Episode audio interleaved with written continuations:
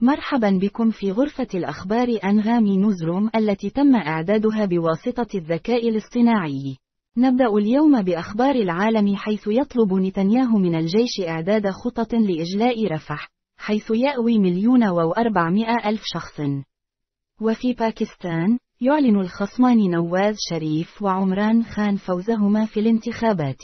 ننتقل الآن إلى الشرق الأوسط، حيث تتواصل الحرب بين إسرائيل وحماس، وتتضمن الأخبار الرئيسية إطلاق سراح الرهائن في غزة واقتراح وقف دائم للأعمال القتالية.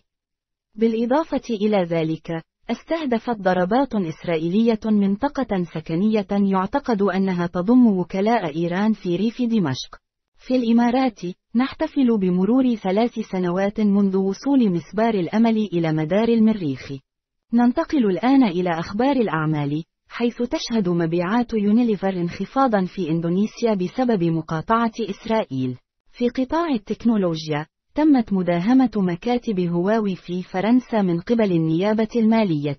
في الرياضة، أثار الأمير هاري الدهشة بظهوره المفاجئ في حفل تكريم ال NFL في لاس فيغاس، مما أثار دهشة اللاعبين. وأخيرا في الترفيه، كان حفل تكريم مارك روفالو في ممر المشاهير ووك أوف فيم لمة لأبطال فيلم 13.30 بمشاركة جينيفر غارنر. متابعة للنشرة، اسمحوا لي أن أرحب بمحرر الأخبار. ما هي أهمية تشكيل حكومة تحالفية لنواو الشريف بعد خسارته في الانتخابات؟ ما هو تعليقك على هذا الكبار؟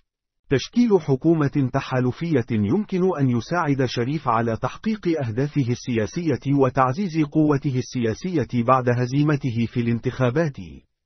من خلال تشكيل تحالف مع حزب آخر، يمكن لشريف أن يحصل على دعم إضافي وموارد سياسية لتعزيز موقعه وتأثيره في الحكومة.